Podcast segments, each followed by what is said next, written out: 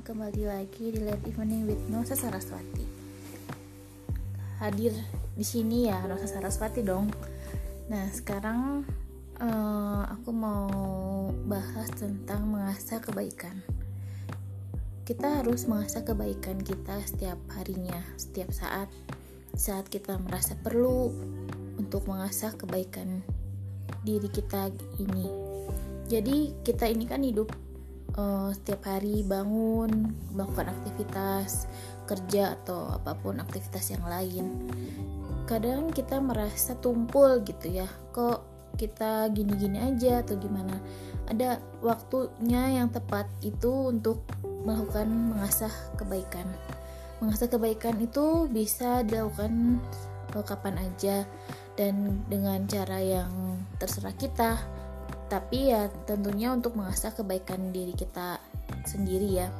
Misalnya kalau misalnya di kantor lagi ada yang nggak masuk kerja cara kita mengasah kebaikan yaitu kita kita ikut mikir gimana cara ngerjain kerjaan orang yang nggak masuk kerja itu atau kita bantu-bantu pekerjaan mereka semampu kita. Terus kalau misalnya uh, dikaitkan dengan kebersihan. Misalnya kalau kantor kita kotor uh, office boy kita lagi nggak ada ya kita mau bersih bersih gitu. Gitu misalnya lagi ada teman yang butuh bantuan kita juga nggak ragu untuk ngebantu mereka ya semampu kita. Jangan di luar kemampuan kita. Jadi kita set goal juga. Mengasah kebaikan juga untuk diri kita sendiri perlu loh misalnya kita mempunyai suatu rencana keuangan. Cara mengasah kebaikan ya kita peduli sama diri kita gimana caranya kita e, mengatur keuangan kita. Misalnya kita bikin jad, e, perencanaan berapa pemasukan yang akan kita dapat atau pengeluarannya sehingga kita tahu kira-kira berapa besar uang yang dapat kita simpan tiap bulannya gitu.